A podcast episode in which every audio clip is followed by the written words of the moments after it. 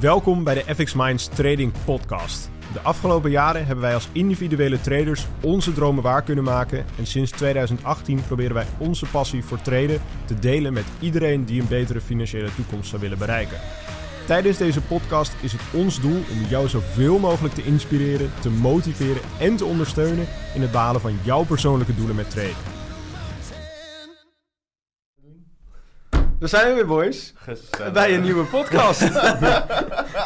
Lekker jongen. Ja, ja, Goeie lekker. start. Goeie Waar start. gaan we het momenteel over hebben? Ja, ik eh, weet natuurlijk dat eh ome Sander de laatste tijd lekker bezig is geweest met... Ome. Sander, Ja, la, la, la, ome la. Sander. Dat hij bezig is met zijn trade-algoritmes en eh, dat heeft hij echt op alle markten heeft hij dat eh, losgelaten. Ja. Maar ik ben eigenlijk wel benieuwd, eh, ik eh, ben er zelf... kun je er wat over vertellen Sander? Ja. We dat hebben allemaal ongeveer een half uur hè Sander? Dus, eh, Oh, nee, dan, dan gaat het nu... Nee, geintje. Dan beginnen we bij stap Ehm, 1. ja, stap in. Ja, nou voor de beginnende luisteraar, je hebt eh, binnen traden heb je belangrijke vragen die je gewoon zeg maar van tevoren eigenlijk moet weten. Dat is hey, in wat voor momenten ga ik instappen? Wat voor momenten ga ik uitstappen? Wat voor posities ga ik plaatsen? Waar komt mijn stop los? Eh, gebruik ik een extra protocol als dit dan dat protocol? Best wel basic concepten zeg maar waar iedereen Mhm. intuïtief zijn hoofd wel mee kan wikkelen. Ehm, om een kort heel snel even achtergrond te geven, want een algoritme, algoritme is een automatisch proces die al die keuzes maakt op basis van wiskunde. Dus het is heel objectief ook. Het is eh, binair, zoals we dat heel Binair. binair. Binair. duur woord. Totaal overbodig, maar maakt niet uit. Ehm, en eh, nou, ik, geef- ik maak die dingen dan natuurlijk, ik treed die dingen, ik geef lessen in de ontwikkeling van die dingen.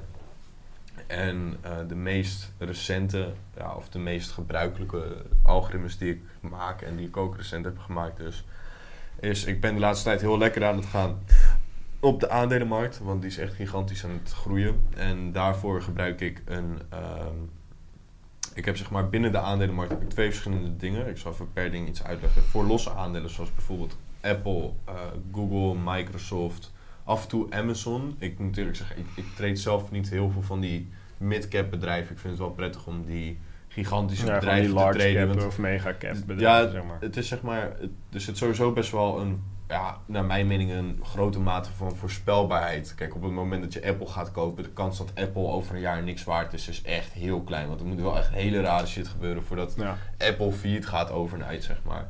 nee, precies. Ehm, dus een beetje stabiele bedrijven, zeg maar. Ja, af en toe een zeg hier en daar, maar Ja. eh, Dus ook, ja, hoort erbij. ik zou voor eh, de beginnende algetraders zou ik absoluut adviseren om dat soort makkelijke, ik noem, ik noem dat makkelijke financiële producten, want het is gewoon, ja, je kan het eigenlijk bijna random kopen en geld verdienen. Dus dan kan je er vast wel meer geld aan verdienen door een slim algoritme te schrijven. Dat, dat is haalbaar voor iedereen die zich daarin verdiept.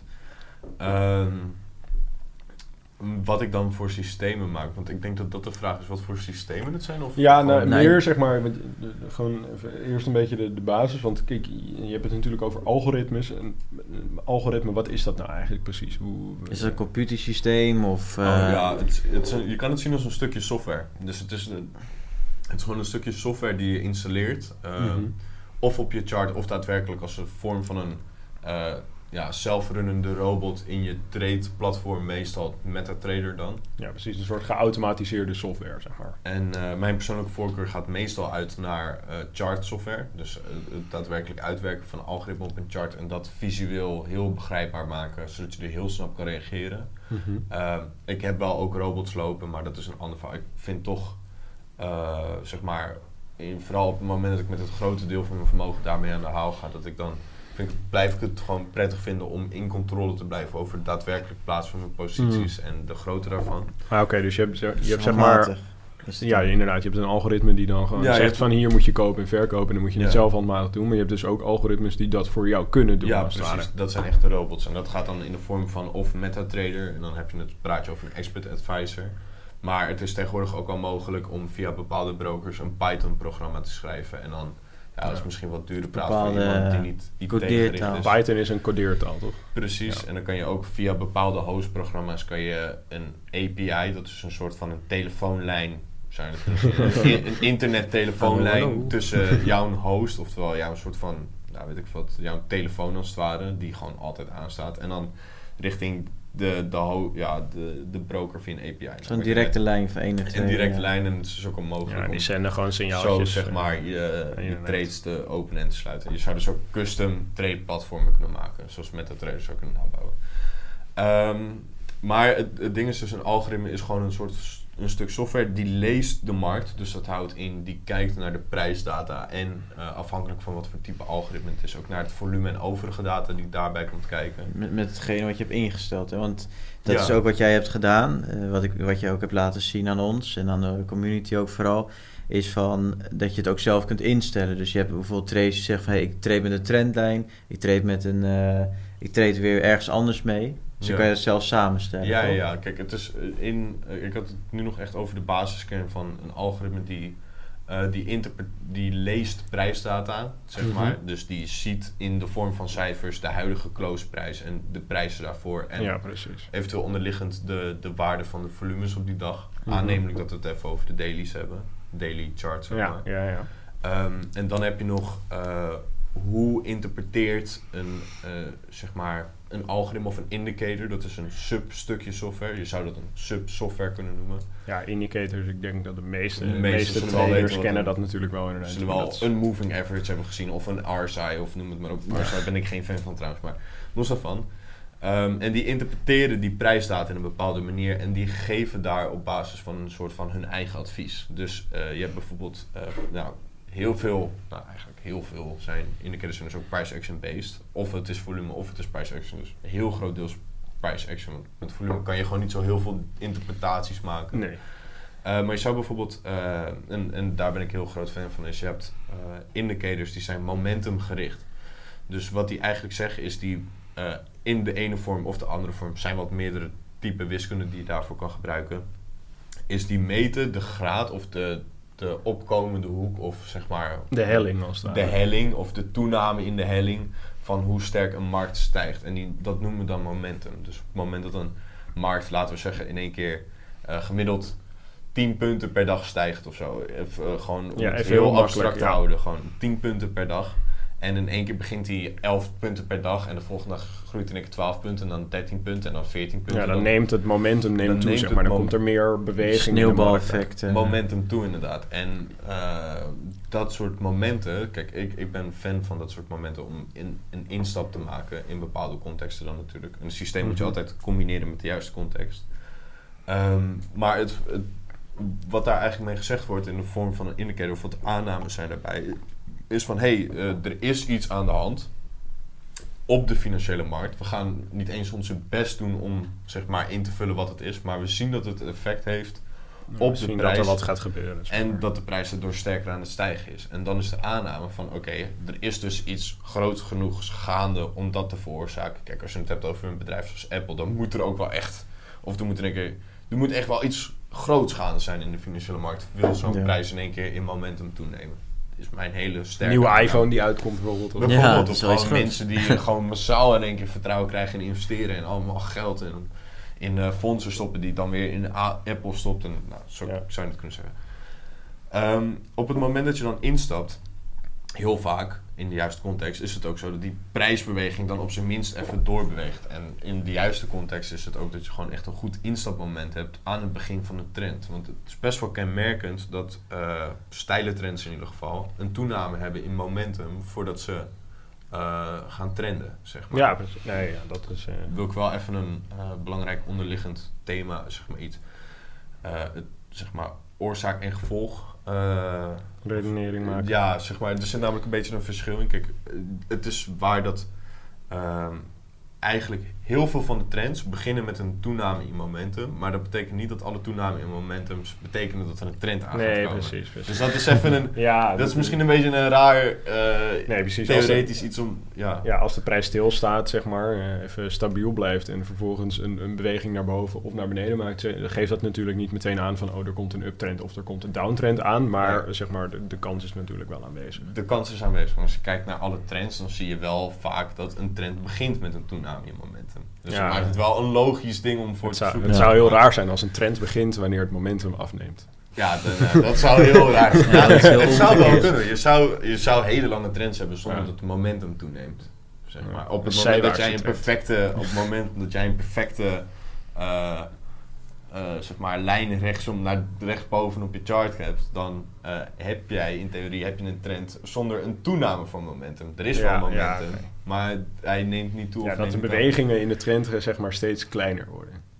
En dat het wel een trend blijft. Zeg maar. Want die begint met hele grote bewegingen en dan langzamerhand wordt die steeds... Een soort van hartslag die, eh, Nee, nee, die nee, uitgaat. Nee. Als, jij, als jij een trend hebt die gewoon één punt per dag groeit, zeg maar, dus je hebt gewoon Ja. 100, 101, 102, 103, Ja, 104, ja, ja. heb je een opgroeiende trend. Alleen ehm, omdat het, Ja, het momentum neemt niet toe. Zeg het maar. Blijft momentum neemt Ja, niet toe of oké. af. Nee, Dus dan, top. er zijn ook wel trends zonder me- momentum toename. Maar dan kan je in ieder geval nog steeds zeggen dat er momentum is. Dus dan Ja, één punt momentum Nee, per dag. Duidelijk.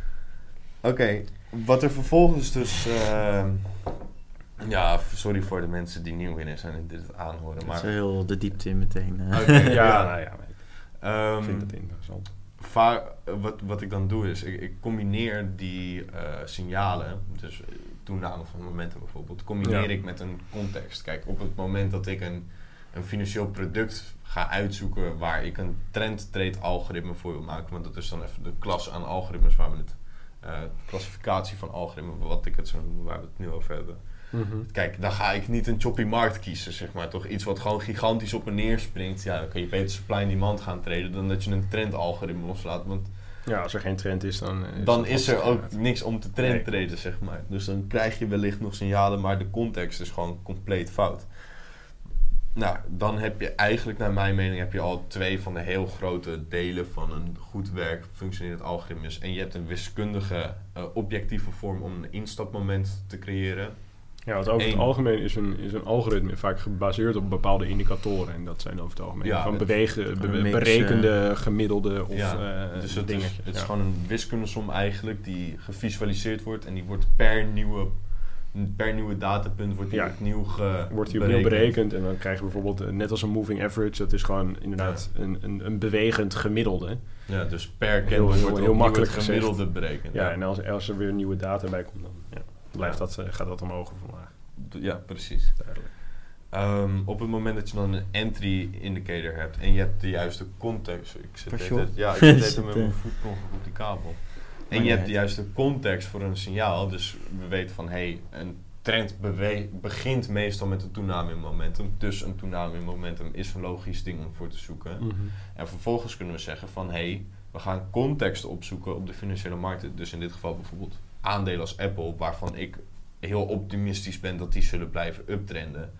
Ehm, en die twee gaan we combineren, want dan hebben we en een instapsignaal dat sowieso altijd heel vaak voorkomt wanneer er daadwerkelijk een trend voorkomt. En we hebben een context die zegt van oké ja, waarschijnlijk gaat het blijven trenden, want het is gewoon wat het doet. Kijk, ik zie Apple niet in één keer 200%, 150% dalen over een jaar of zo. Nee, ja, dat, is, dat, dat zou in een marktcash zou dat kunnen misschien, maar Ja, inderdaad, de- Ja, omdat je toch actief aan het traden bent, zal je daar niet, eh, heel niet veel- heel veel negatieve Nee, gevolgen precies. van hebben. En dan komt er waarschijnlijk ook een downtrend aan, dus daar kun je ook op traden. kan je ook. Ja, moet ik wel zeggen, in eh, aandelen ben ik niet gauw downtrend trading hoor. Dus Nee, nee, nee, Nee, sommige crashes misschien alleen, maar... Ja, als er echt iets heel geks gaande is, misschien dat ik dan in één keer een systeem tevoorschijn tover van hé, hey, dit functioneert goed in rare periodes en dus ga ik het nu traden. Maar eh, markten die algemeen omhoog bewegen, ga ik niet short op, zeg maar. Dus het is Nee, wel- precies. Ja, kijk, de, natuurlijk aandelenmarkt is eigenlijk gedreven om te stijgen, zeg maar. De- Ja, de- toch, daar zijn ze eigenlijk als ware voor gemaakt en dat is ook wat hun doel is. Kijk, Ja. dat is bijvoorbeeld bij, bij, bij valuta is dat heel anders. Die zijn eigenlijk bedoeld om stabiel te blijven. En dat is ook eigenlijk een beetje het doel van centrale banken om de valuta een beetje stabiel te houden. Dus dan zul je altijd zien dat inderdaad Ja. zowel je long als short trades kunt gaan krijgen. Plus, dat is ook wel een goed voorbeeld, want het is ook wel degelijk ingewikkelder om een goed functionerend trendtrade systeem te ontwikkelen en gebruiken bij het forex traden eh, dan bij het aandelen traden. Dus ook Ja. voor de beginnende, zeg maar, algo trader adviseer ik dat als je trend trade, eh trend algoritmes creëert, dat je dan focust op dingen zoals aandelen of ETF's die in het algemeen Ja, om daarmee te beginnen, zeg maar. Het is gewoon een logische instap. Ehm, vervolgens dan eh, combineer je zo'n systeem met een juist uitstapmoment. Want we hebben dan zeg maar één, hebben we gezegd van hé, hey, ik weet in wat voor situatie ik wil gaan instappen. Twee, we hebben gezegd dat is een toename in momentum. Mhm. Even een voorbeeld van een Even, ja, entry indicator.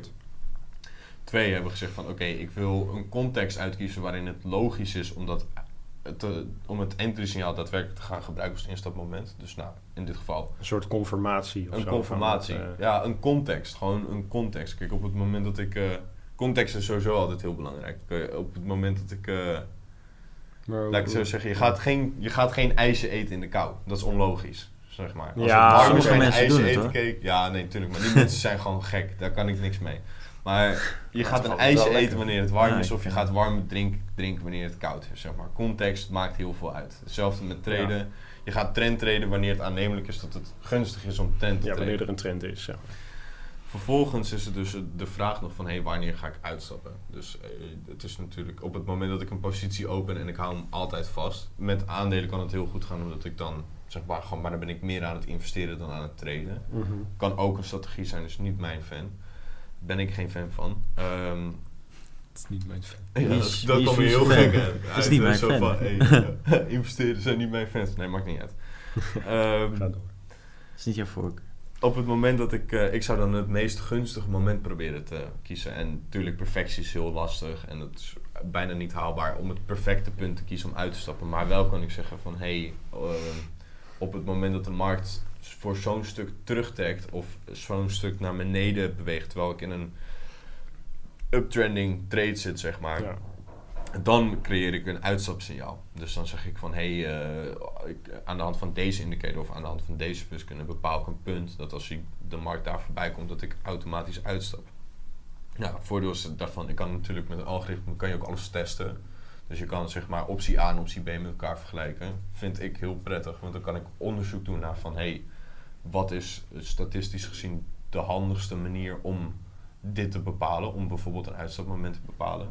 Nou, dan hebben we een stukje risicomanagement en stoploss. Dus nou, ik vind risicomanagement en stoploss vind ik eigenlijk hand in hand gaan. Want Ja, dus een stoploss gebruiken is een onderdeel van je risicomanagement. Precies. Ja. ja, dan komt nog een klein stukje dat wat ik onder price action charting vind vallen. Dat gaat van, hey, hoe groot wordt mijn stoploss? Nou, pak ik de dagelijks volatiliteit voor. Nou, dan komt een stukje risicomanagement. Hoe groot wordt mijn positie verdeeld over die stoploss? Nou, dat is gewoon van, hey, hoeveel risico wil ik op de lijn leggen? Want hoe groter Ja. de positie, hoe groter het rendement. Ja, maar precies. ook Hoeveel aandelen wil je kopen of verkopen, zeg maar. Of hoe groot wil je Ja. lot size hebben of eh, dat soort Dat dingen. Maar grotere posities betekenen ook meer risico. Dus er, er ligt voor iedereen persoonlijk, naar mijn mening, daar een bepaalde balans, Balans. balans in te vinden van hey, wat voor type trader wil ik zijn. Wel is het zo dat je ook altijd rekening kan houden met de risk of ruin. Dus dat is van dat is een wiskundig model waarvan je kan de waarschijnlijkheid kan uitrekenen van hey, hoe groot is de kans dat ik mijn account opblaas met dit risicoprofiel, zeg maar. En op het Oh, moment dat die te hoog wordt, dan, eh, nou, dan ga je dat gewoon niet doen. Want de kans, Nee, ja. zeg maar, Ja, als er een mogelijkheid is dat je account opblaast, dan ga je dat absoluut niet doen als verstandige trader. In wat voor context dan ook. Nee, het is beter om eh, geen geld te verliezen dan om heel veel geld te verdienen. Denk ik. Ja. Ja. Nou, Ja, ja, ja. ik- Nee, dat, dat, dat zegt Warren. Buffett altijd. Het is beter om, om ervoor te zorgen dat je zo min mogelijk geld verliest. Ja. Dan dat je je gaat focussen op juist heel veel verdienen. Want als je in één keer alles kwijtraakt, dan moet je helemaal opnieuw beginnen. Ja. Ja. Plus je moet ook meer rendement halen om verloren rendement terug te Precies, verdienen. precies. Als je 50% verliest, moet je 100% terugverdienen. Ja, Omdat, precies. eh, precies. Er zit ook nog een ding. Zo, ja, dat is echt wel zo.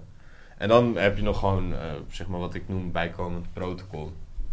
hey, hoe ga ik om met de winsten die ik al een tijdje in de winst sta? Hoe ga ik bijvoorbeeld, eh, Ja, hoe ga je die managen? zeg hoe ga ik die managen? Wat rondom dat ik mijn trade zelf manage, hoe ga ik de winsten die ik eigenlijk al in mijn zak heb zitten, maar nog niet in mijn zak heb zitten managen? Ja, precies. Dus Nou, niet dan- eh, handje contantjes. Precies. Nou, en dan kan je een stop profit of eh, een extra. Ja, meestal Ja. doe ik daadwerkelijk een stop profit plaatsen. Dus echt een Ja, stop een trailing stoploss, zeg maar. Eh, in sommige contexten doe ik ook, zeg maar, op het moment dat ik meer naar wat ik, wat ik meer betting noem, zeg maar, maar dan ja, analytisch ge- onderbaseerd, eh, zeg maar, betting op bijvoorbeeld lastige markten zoals Forex. Dus dat de kans kleiner is dat er een daadwerkelijk trend voorkomt, zeg maar. Mhm. Dus dat die minder vaak voorkomt. Dan wil ik ook nog wel zeggen dat ik een scale-out doe. Dus hey, als ik een, een eh, bepaalde hoeveelheid winst heb behaald waarvan het wel heel aannemelijk is dat die behaald wordt, dan doe ik een x percentage van mijn positie sluit als winst. Ja, dus even, laten we zeggen, je hebt een positie die, die loopt nu 1000 euro winst, dat je 500 eraf haalt en, Ja, 500, of en de overige zelfs- 500 laat, eh, laat doorlopen, Of zeg misschien maar. zelfs 700. Zeg Ja, maar. precies, Het ligt er ja. net even aan hoe.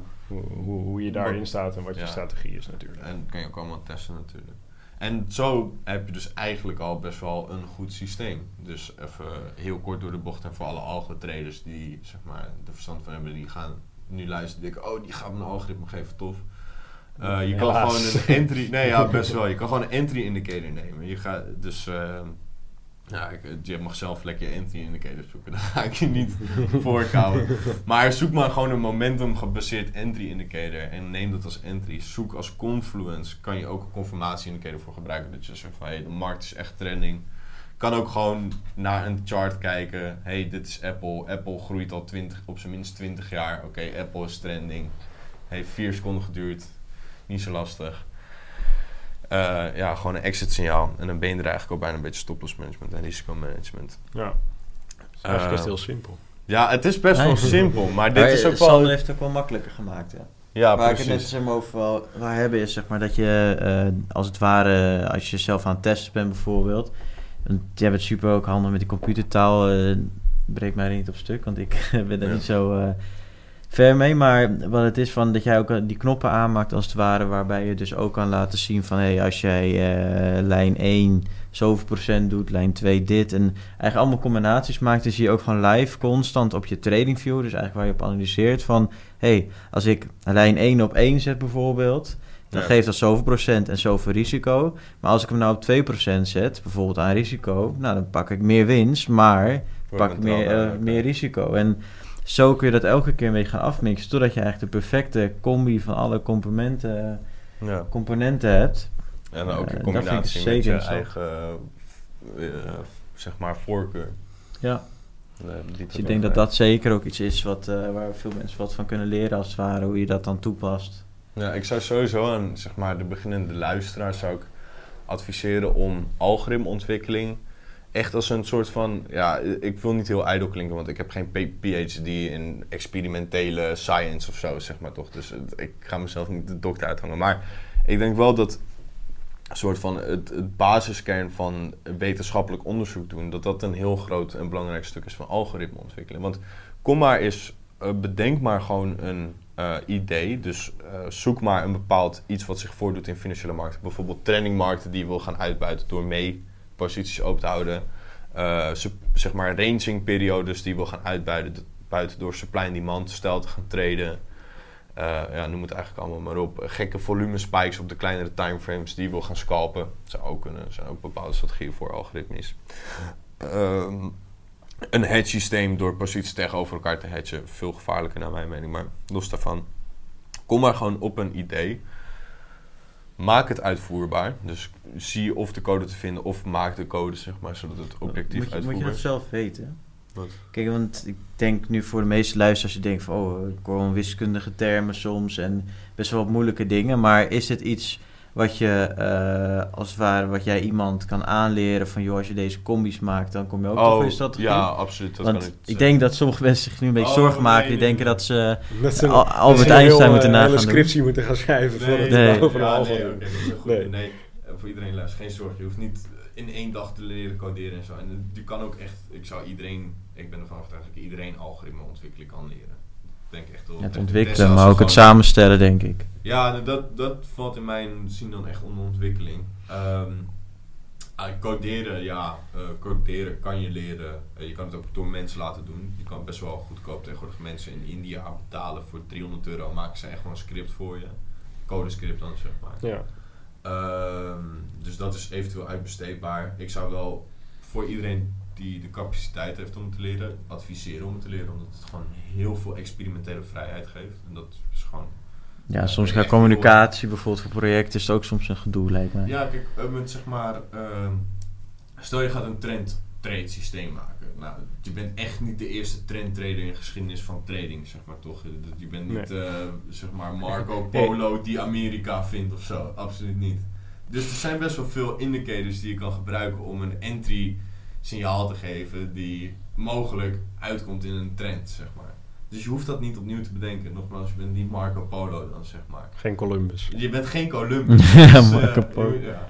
Dus, eh, en zo ook voor andere dingen die je wil bereiken zijn al indicators. En die kan je ook samenstellen. Je kan ook eventueel handmatig testen. is heel, duurt heel lang, maar je, zonder te coderen zou je aan de slag Ja, kunnen zou je gaan heel makkelijk. met- Ja, in principe kun je ook gewoon, ja, gewoon makkelijk een, even een paar indicatoren gebruiken. En dan eentje als entry, eentje als exit, Ja. eentje voor confirmatie. En dan heb je in principe eigenlijk ook een algoritme. Alleen moet je het zelf gaan uitvoeren en zelf gaan testen. Ja, En- en, kijk, dat is dus waar ik... Dat is waar inderdaad is- coderen, eh, dat maakt het gewoon een stuk makkelijker natuurlijk. En als je het gaat hebben over effectief en waardevol algoritmeontwikkeling, dat is dus dat punt wat ik net zeg van, dan ga je richting het wat meer onderzoek, dus wetenschappelijk of zo. zou Wetenschappelijk onderzoek als Ja. daar. Ja, gewoon onderzoek doen. het, maak het super objectief. Kijk, een robot die liegt niet. Als jij wiskunde invoert in een robot die het gaat uitvoeren, dan die ro- robot voert die wiskunde uit en het resultaat is het resultaat. Of je het nou wel of niet leuk vindt, zeg Ja. maar. Een, Eh. een rekenmachine zal altijd aangeven dat 1 plus 1 2 is. Ja, Is dat zo? ja of echt een verkrekte rekenmachine uit. Wat ver weg is dan gekocht. Die echt gewoon Dat is het derde dal-universum. Ja, het derde dal. Je zegt nee, Is toegebracht door een. UFO-piloot of zo. Nee, eh, kijk, mensen zijn best wel eh, beïnvloedbaar toch? Dus stel je gaat iets met de hand testen, dan je wilt goed presteren als trader. Het is vaak ook een, e- bij mij bijvoorbeeld, ik heb best wel ego-dingetjes, dus je wilt Emotie het- ook, ja, lijkt mij. je wilt dat het goed presteert. Dus op het moment dat jij ook maar een of andere soort van verantwoording voor jezelf creëert waar je eens kan zeggen, oh nee, maar die zou ik niet hebben genomen hoor, want Ja. dat had ik wel gezien. Kijk, dat is, dan, dan verpest je het. Dan is het is gewoon BS eigenlijk. Ja, dat is gewoon bullshit. Ja, je moet gewoon heel kritisch naar jezelf zijn. En dat is Ja. voor heel veel mensen is dat heel lastig. Bullshit is misschien overdreven, want het is wel zwaar dat, zeg maar, je kan inderdaad subjectief dingen doorzien. En tot zekere mate kun je er echt van uitgaan. Alleen als je het echt objectief wil doen, Ja, gewoon, systematisch. systematisch, dan moet daar geen ruimte voor zijn. Dus dan zou ik zeggen, codeer het. Ja, maak het mechanisch. Maak het mechanisch. En dan is het voordeel dus ook dat je, omdat het zo mechanisch is, kan je ook heel snel berekenen van hé, hey, dit zou het resultaat zijn geweest. Ja. Dit zijn alle trades. Die trade zou hier hebben geopend, Ja. daar hebben gesloten. Dit zou het resultaat per trade zijn geweest. Gemiddelde statistieken, noem het allemaal maar op. En dan ben je dus begonnen met een idee. Je hebt het werkbaar gemaakt door of dingen her te gebruiken of zeg maar wat experimentele dingen te ontwerpen. Je hebt het systematisch gemaakt waardoor het testbaar is en dan kan je het resultaat testen. Kijk, en als je dan nog een idee hebt, en dan komt naar mijn mening echt het interessante van algoritmeontwikkeling, is doe hetzelfde riedeltje dan weer en leg de resultaten naast elkaar. En probeer dan ook logisch te beredeneren wat je hebt geleerd van die resultaten.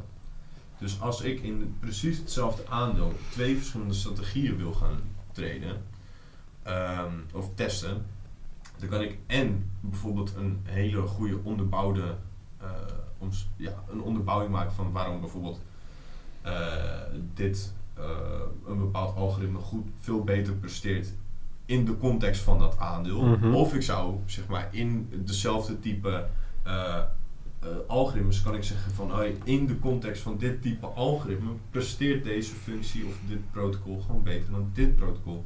Want dat heb ik getest hieraan en het resultaat is dit gebleken. Moet ik wel zeggen, dan ga je dus echt richting wat wetenschap en dan moet je ook naar mijn mening een stukje data-analytiek, logica meenemen. En een hele simpele duimregel is gewoon van hey, hoe meer data je gebruikt, hoe, Accurater het hoe, wordt. en hoe betrouwbaarder je, je, Je resultaten zijn. en je ondervindingen Klopt. zijn. De, de data bedoel je dan vooral het tijdsbestek van zoveel jaren. Hè? Ja, en het aantal trades als het en ware. het aantal financiële producten bijvoorbeeld. Ja. Dus kijk, stel je hebt het over eh, bijvoorbeeld alleen Apple. Kijk, er zijn tig bedrijven als Apple die groot in omvang zijn, gezonde groei hebben, uptrending market zijn, snap je? Dus die in een soort vanzelfde subclassificatie van chart, ja, grafiekvorm, eh, aandelen, noem het maar even hoe je het wil noemen, vallen. Test die allemaal, want anders kan je ook een stukje overfitting krijgen. Dus overfitting is eh, binnen een soort van data-analytiek, wat het inhoudt, is van hey, als ik zeker weet met terugkijkende blik, want het is wat je doet als algoritmeontwikkelaar, dat je ziet de chart en daaromheen ga je een systeem bouwen. Eh, je weet van tevoren al wat de chart gaat doen, dus je kan precies eigenlijk alles zo afstellen om op de meest perfecte manier mogelijk eh, zeg maar te gaan gebruiken. Maar op het moment dat ik dat dan doe en ik gebruik precies diezelfde instellingen, niet alleen bij Apple, maar ook bij Microsoft, terwijl Microsoft weliswaar in dezelfde klassificatie van chart valt, maar toch net even wat ander Ja, gedrag valt, ander, ander aandeel. dan kan het zijn dat ik juist op Microsoft in één keer heel slecht ga presteren, omdat ik Ja. het systeem te specialistisch heb ingesteld voor Apple. Ja, Alleen te specifiek, zeg maar. te specifiek, dus dat heet overfitting. En je wilt eigenlijk eh, systemen hebben die in het algemeen goed presteren Ja, in een bepaalde precies. context. Precies. Ja. Ik, ik, ik hoor wel, zeg maar, in, in deze podcast vooral dat we heel veel te bespreken hebben over algoritmes. Ja. En ik denk dat het eigenlijk juist heel erg goed is, voor ook, vooral voor de kijkers, want dat is ook waarvoor we het vooral doen, om te laten zien van, ja, wat, wat voor kennis er eigenlijk in huis is. Ehm, dat zij bijvoorbeeld vragen kunnen stellen via, via de comments of commands. De commands. Commands. Laat even, als je mocht je vragen hebben inderdaad voor Sander Ja. ja. over zijn algoritmes, laat het dan inderdaad eventjes weten in de, in de commands. Commands. ja. Ehm, of eh, stuur inderdaad even een berichtje, dat kan naar onze eh, Instagram, Instagram. en Facebook. Eh, je kunt ook mailen bijvoorbeeld, en dan naar uh, sander.fxminds.nl. Nee, nee, nee. nee, nee, nee. Helaas, die gaat een hele volle spam eh waarschijnlijk. Nee, maar ook vooral denk ik dat het ook leuk is dat als dat je... behandelen. Ook, het is natuurlijk ook makkelijk als het zeg maar, onder de YouTube-video zelf staat. Ja. Want dan kunnen we ook gewoon van dat onderwerp... Dus eh, stel je voor dat dit onderwerp algoritmisch treden is, als het ware... eh, dat, dat wij dat ook beter kunnen segmenteren. Dus dat we het Nee, uiteindelijk een beetje onderverdelen... waardoor iedereen wat meer inzicht heeft.